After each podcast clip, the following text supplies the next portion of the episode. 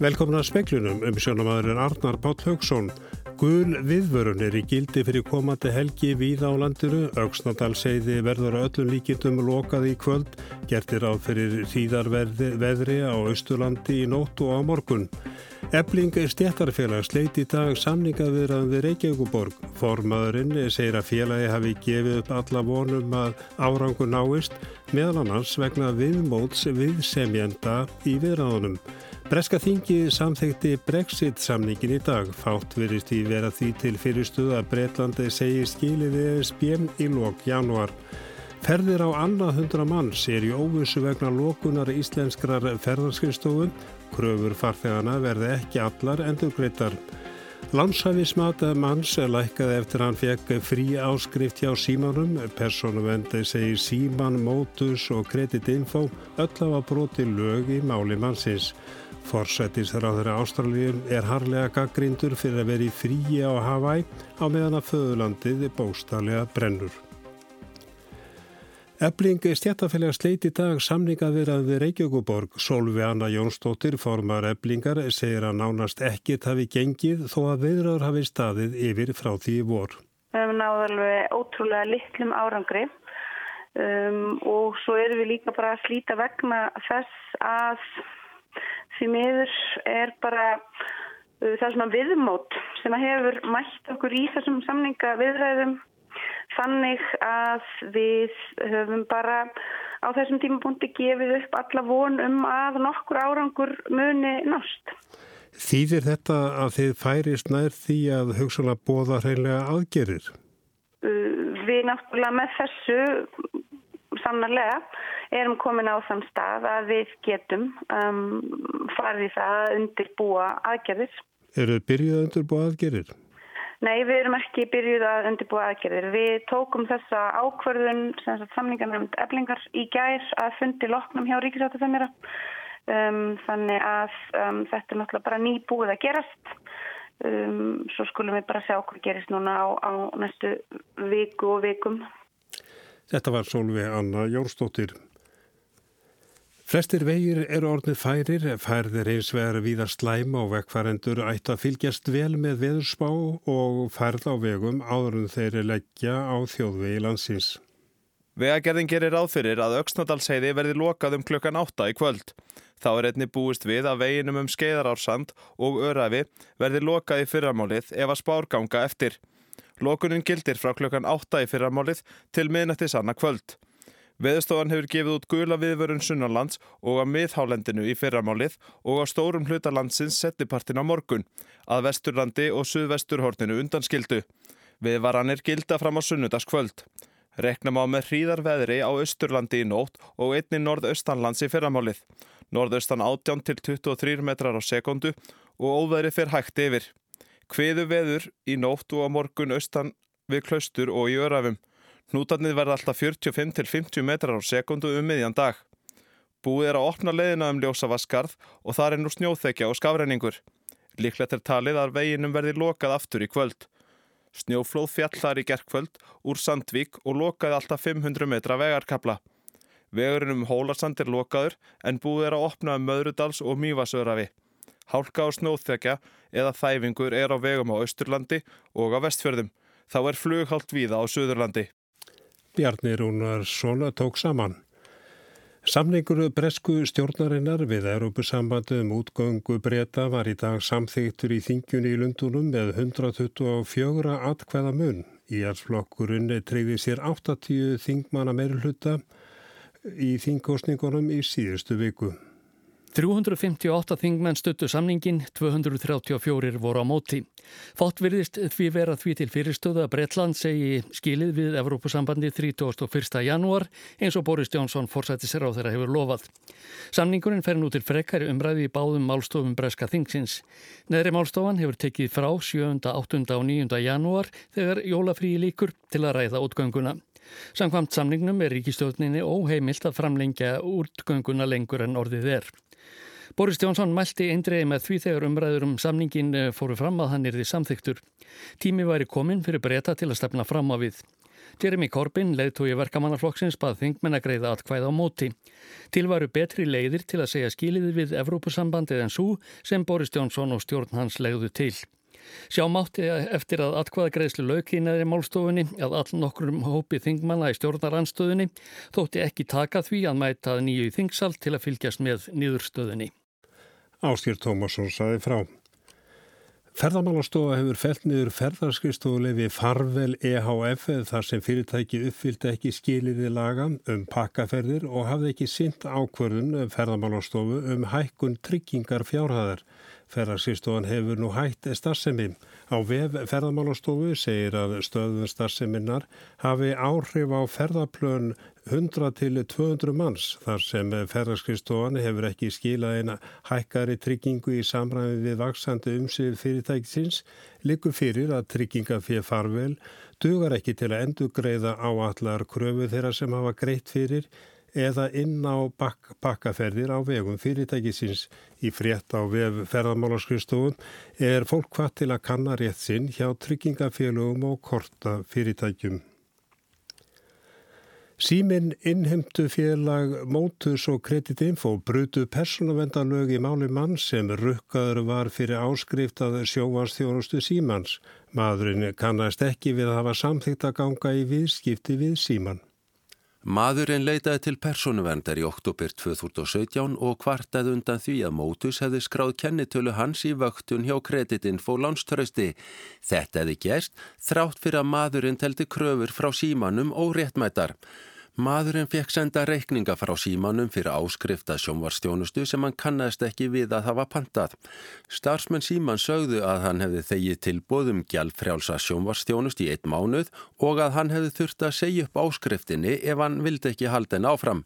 Þessu andmælti maðurinn og sagði engan samning eða gögn staðfesta að kröfurnar væru réttmættar. Reikningarnir voru sendir í innheimti hjá Mótus sem skráði kennitölu mannsins í vöktun hjá Kreditinfo. Sú skráning og uppflettingar Mótus um mannin í vanskilaskrá urðu til þess að Kreditinfo lækkaði lánshæfismat hans. Personverð segir í úrskuri sínum að upplýsingavinnsla með umdeldarkröfur sé óheimil og því hefðu Mótus og símin átt að haga málum sínum með hliðsjóna því. Sömu leiðis hefði Kreditinfo ekki átt að láta vöktun kröfunar hafa áhrif á lánshæfismat mannsins eftir að hann kvartaði til fyrirtækisins og saði kröfuna vera óréttmæta. Niðurstaðan var því svo að vinsla mótusar, símans og kreditinfó hefði brotið í báa við persónuverndalög. Brynjólfur Þór Guðmarsson saði frá. Forsættisraðra Ástralíu er harlega gaggrindu fyrir að vera í frí á Hawaii á meðan að föðulandið bóstæðlega brennur. Hann hefur byggist afsökunar og ættar að snúa heim sem fyrst. Skóareldatnir í austur og söður hluta Ástralíu geisa enn og fjallu hitamet í landinu tvísvarsinnum í vikunni. Tveir sjálfbúðalegar í slökkvistarfi létust í gær og þrýr slösuðust þegar tríja fjall á bíl þeirra. Þeir voru leiðinni að slökkva mikinn eld nálagt Sidney.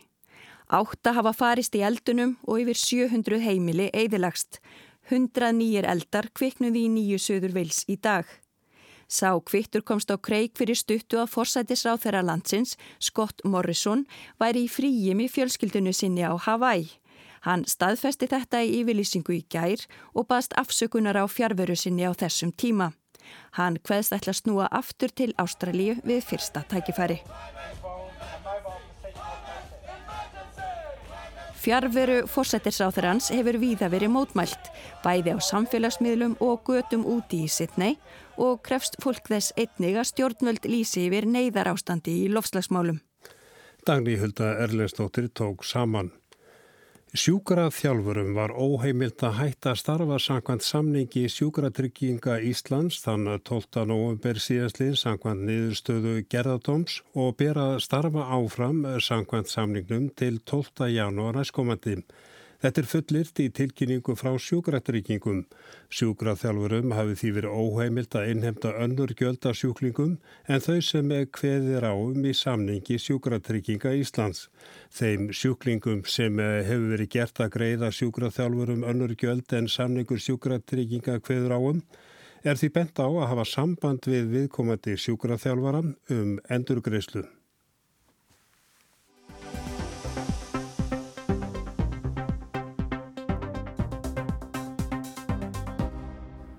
Því spáða netverslun springi út á næstu árum hér á landi, mestur hefur vöxturinn verið í netverslun með matvæli. Það eru 60 ár frá því að hagkaup var stopnað í húsi sem var áður fjós við Miklatorki Reykjavík, uppalega var áherslan lögð á postverslun sem höfðaði fyrst og fremst til viðskiptavina á landsbyðinni. Kanski má segja að netverslun hafi tekið við af postversluninni en það var löngu setna. Hins vegar hefur verslun á netunu vaksið mjög hratt. Hér innanlands nam hún 2017 tæpu 3% að heildarveldu innlendrar smásöluverslunar eða tæpum 9 miljardum króna. Erlendi netverslun Íslindíka nam röskum 4 miljardum króna. Hlutvall innlendrar netverslunar hefur verið talsveit lægra enn í nákvæmlandum okkar. Í rannsókn EMC í samfinni við hugsmiðuna er því spáða netverslun springi út á næstu 5 árum. Vöxturinn síðustu tvö ár hefur fyrst og fremst verið í matvörum.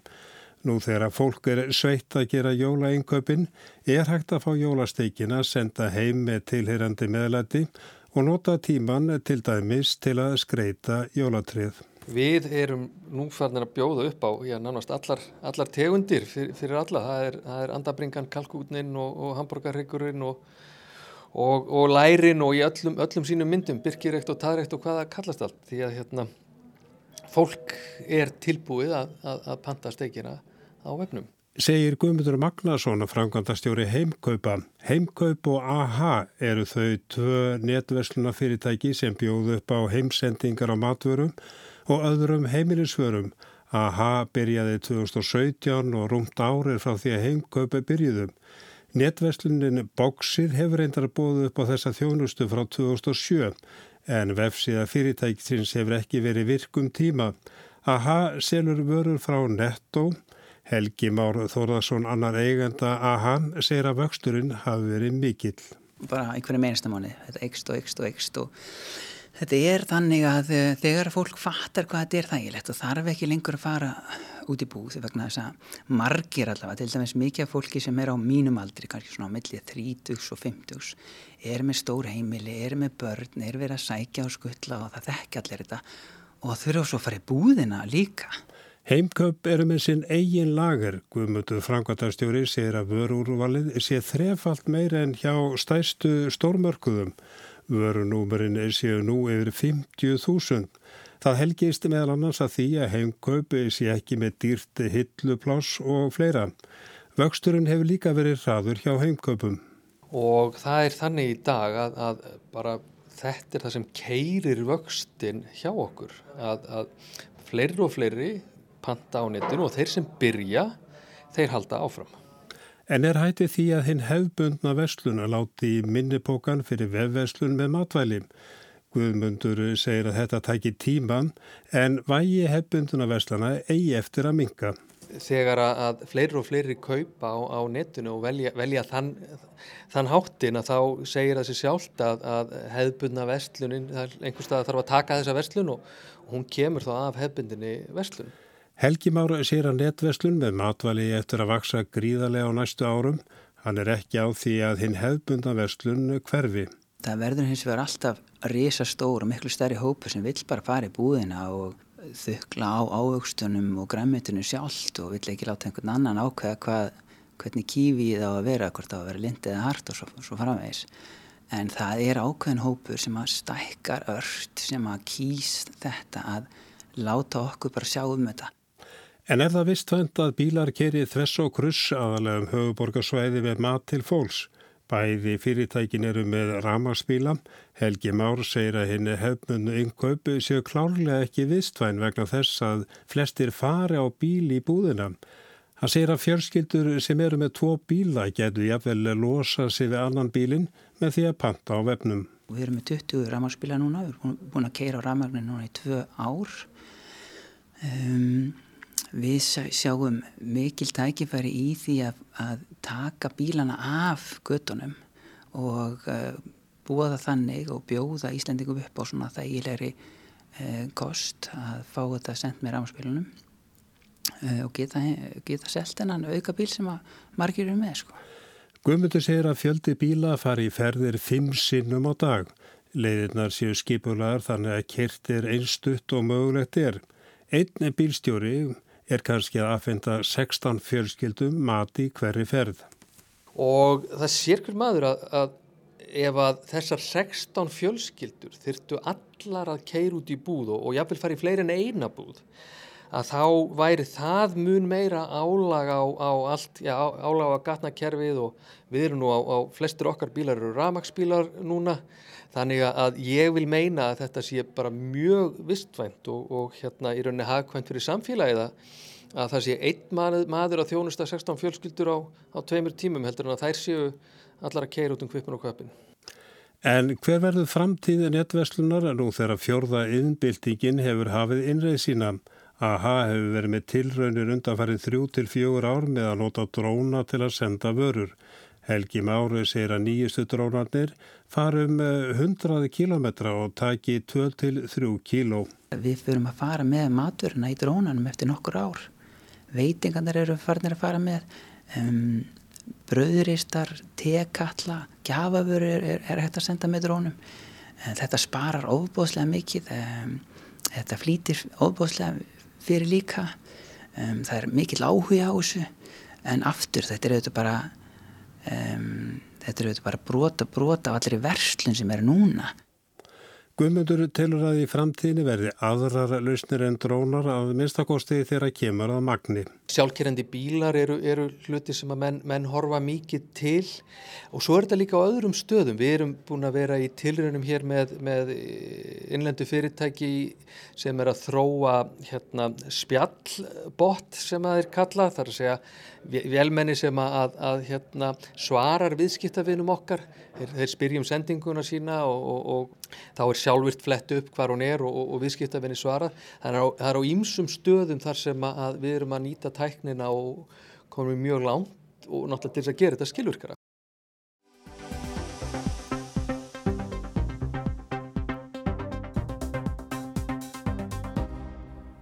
Rétt fyrir jólinn 1969, fyrir 50 árum, var Árnagarður á Lóð Háskóla Íslands formlega tekinni nótkunn. Húsið hafi verið tæp þrjú ári byggingu en á stista degi ársins, 21. desember 1969, var eigendum afhengt húsið.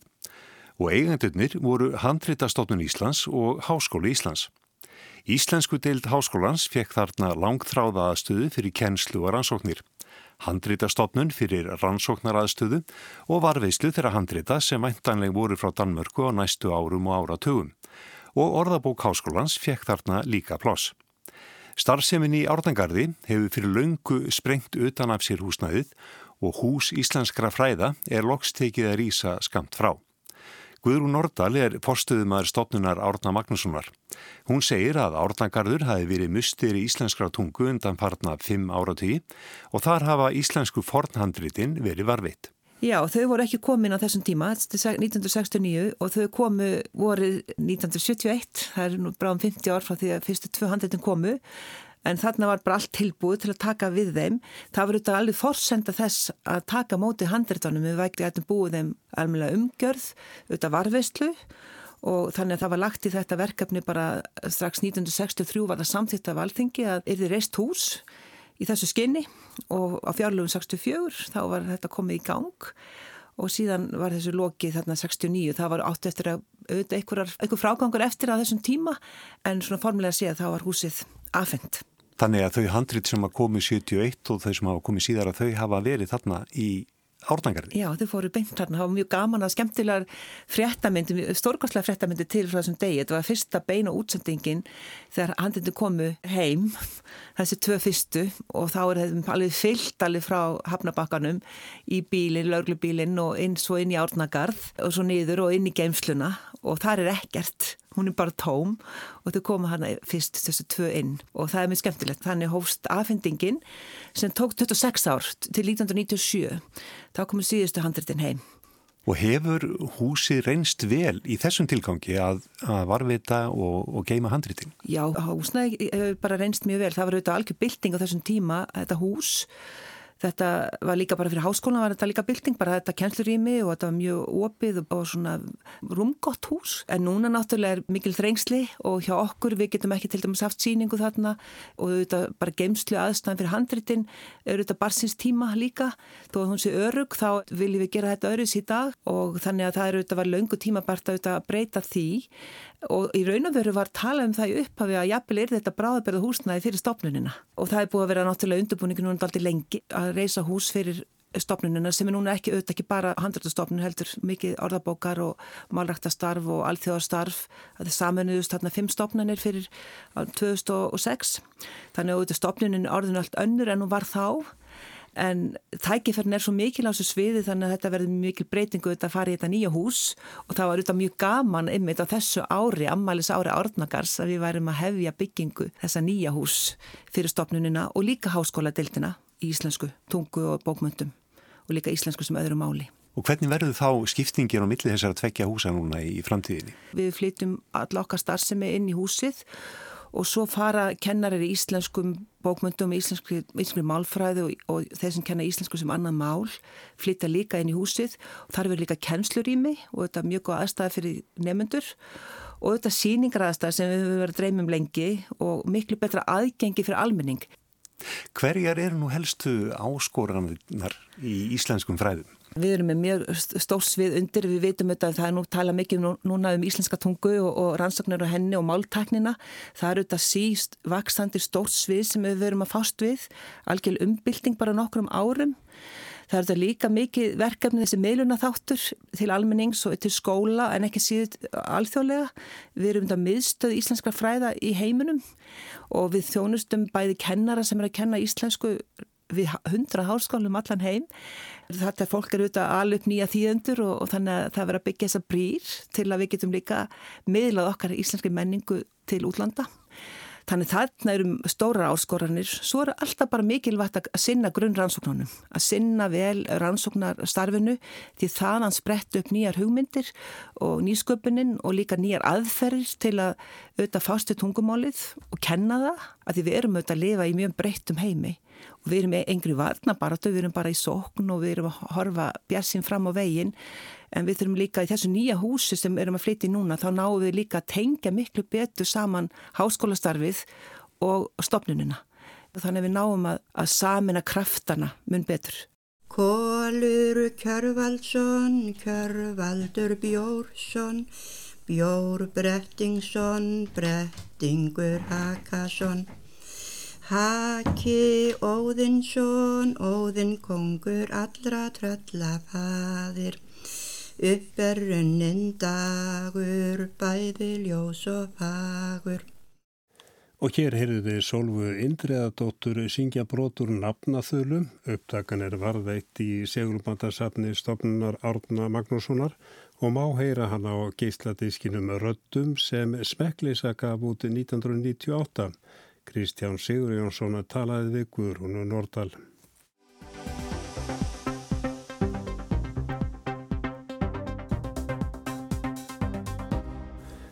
Sextán börn með Gretu Thunberg í farabróti fara fram á það við forsætistar á þeirra bæði Norregs og Kanada að þessi lönd hætta að leitað ólju og drægi markvist úr óljuvinslum. Þau segja að áframhaldandi óljuvinsla sé brota á barnasáttmala saminnið þjóðana. Það má segja að normenni glými við þversagnir þegar kemur að umhverfismálum. Norsk stjórnvöld hafa látið að sér kveða á allþjóða vettvangi í baróttunni við lofslagsbreytingarnar. Þegar kemur að ýmsum umhverfisvænum aðgerðum er standa þeir framalega. Þeir hafa greipið til ímissa orgu sparnar aðgerða og flestir vita að hlutvarslega flestir ráðbílar er í Nóri. 2010 voru þeir rúmlega 3000. Frá þeim tíma hefur sala ráðbíla aukist jæmt og þétt. Í lók oktober voru rafbílar orðnir 250.000 og markast hlutdeildin komin í rösklega 40% af nýjum seldum bílum. Tengildvinnbílar er um 110.000. Hlutdeild þeirra hefur dalað, komst í fyrra í 18 af 100 en er nú 12%.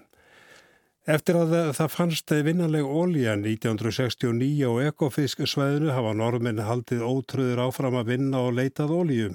Þeir hafa grætt á tá á fingri, stopnuðu ólíusjóði 1996 sem stendur nú í röskum 10.000 miljardum norskra krónan eða yfir 130.000 miljardum íslenskra krónan.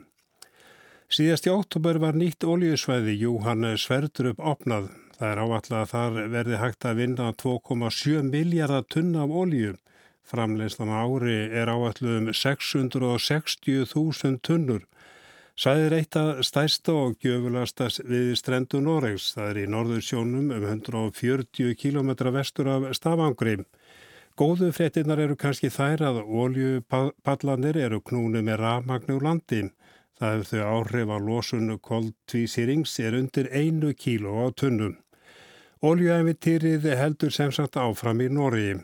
Greta Thunberg og 15 annu börn sem búa við svörum heiminn er ekki sátt við þessa þróun. Þau hafa sendt bæði Ernu Súlberg, fórsættistráðara Noregs og Justin Trudeau, fórsættistráðara Kanada bref, þar sem þau haldaði fram að áframhaldandi óljöfinsla brjóti gegn barnasáttmála saminuð þjóðana. Þau benda á að lofslagsváinn sé stærsta áskorunin sem þeirra kynnslóðir standa frammi fyrir. Loftlagsbreytingarnar munu hafa áhrif á framtíð þeirra á ymsanhátt, þær munu hafa áhrif á búsetu okkar, atvinnu og hvort við stopnum fjölskyldur. Þessi lönd verða að taka sér tak og vernda framtíð okkar. Þetta segir henni 14 ára Alessandria Villa Senior í vitali við Norska ríkisútvarpið. Hún hellaðist að Greti Thunbergi fyrra og hefur staðið fyrir mótmælum eða verkvöllum fyrir utan byggingu saminuð þjóðuna í New York. Skilabóðbarnana sem sendu brefið eru þau með því að halda áfram oljuvinnslu, aukist loftslagsáhrifin og seti framtíð barna í hættum. Krafa þeirra er að þessi ríki hætti oljuleit og drægi markvist úr þeirri vinslu sem úr í gangi. Markmiði sé að hitasti jarðar hækki ekki meira en um 1,5 gráðum. Með því að halda óljuvinsluna áfram er sér raunverð að hella bensín á heiminn sem þegar standi í ljósum lógum. Þetta segir Michel Hausfeld lögfræðingur sem aðstóði hópin við að skrifa brefið. Aug Greti Thunberg frá Svíþjóð eru börnin frá Marsjallegjum, Pabláegjum, Brasilíu, Argentínu, Fraklandi, Þískalandi, Bandarækjunum, Túnes, Níkurju, Indland og Suður Afríkum. Þau benda á mikilvægt ákveði í barnasáttmálunum sem sé að þegar foreldrar taki mikilvægar ákvarðanir verði þeir að taka þær með það í huga hvað sé börnunum fyrir bestum. Greta Thunberg ávarpaði lofslagsfundin í Madrid. Hún ítarækka að það væri naumur tími til stefnu. Korki þjóðaleit og arni fyrirtæki væri að leggja nægilega mikið að mörgum. Með mætti fólksins væri hægt að stuðlað breytingum og draga og losun. Það veri N1. We do not have to wait. We can start the change right now. We, the people. Í nýri skýslu saminnið þjóðan ekki með fram að þegar eru áformum að vinna 120% meira af jarðefna elsneiti en jörðin þóli til að standa við markmiðum hlínununa að hún verði ekki yfir 1,5 gráðum. Úla Elvistuen, umhverjisáþurra Noregs, segir að bregð barnana til fórsættisaráþurana undistriki alvöru málsins. Hann segir að heimur er verða að draga úr losun. Hagkerfi verða búa sundur að minna verði framnett á ólju og gasi. Hann segir að norsk stjórnvöld hafi þegar ákveða að reyfi ekki við óljuauðlindum við Lófóten, Vesturólin og Senja. Fljótlega verði ákveðið hvaða mörg verði sett um óljuleit í Barentshafi. En hvað með Júhann Sverdurup oljusvæði sem tekið var í notkun í oktober? Hann segir að breið samstæða verið á norska þinginu um oljusvæðið. Aðal umræðan þá hafi verið um að rafvæða borpatana og þar með að draga úr losun oljufyrirtækjana. Í brefinu sem börnir 16 sendu forsættisar á þránum er óska eftir svar innan tveggja vikna og þá eftir að komi ljós hvort svar best. Og við ljúkum með speklunum á veðrinu. Það gildir gul viðverum vegna veðurs á vestfjörðum, ströndum, norðurlandi, vestra og eistra, austurlandi eða klettingi, austfjörðum, suðausturlandi og, og á miðhávalindunum. Og veðurspáðun hljóðar þannig norðaustan 10 til 18 metrar á sekundu en 15 til 20 norðvestan til og einni á suðausturlandi í kvöld snjókoma á norðan og austanland sem slitaði sjóin. Bjart með köplum sunnanheiða, gengur í norðaustan kvassfyrir eða storm norðan og austan til á morgun og bætir í ofankomum en heldur að hægari og bjartu suðvestanland. Hversir frekar um landi sunnan suðaustanvert annarkvöld og hitti nálat frosmarken upp í áttastíg með suðuströndunum. Það er ekki meira yfir speiklunum, tæknamæri kvöld og Ragnar Gunnarsson, verið sæl.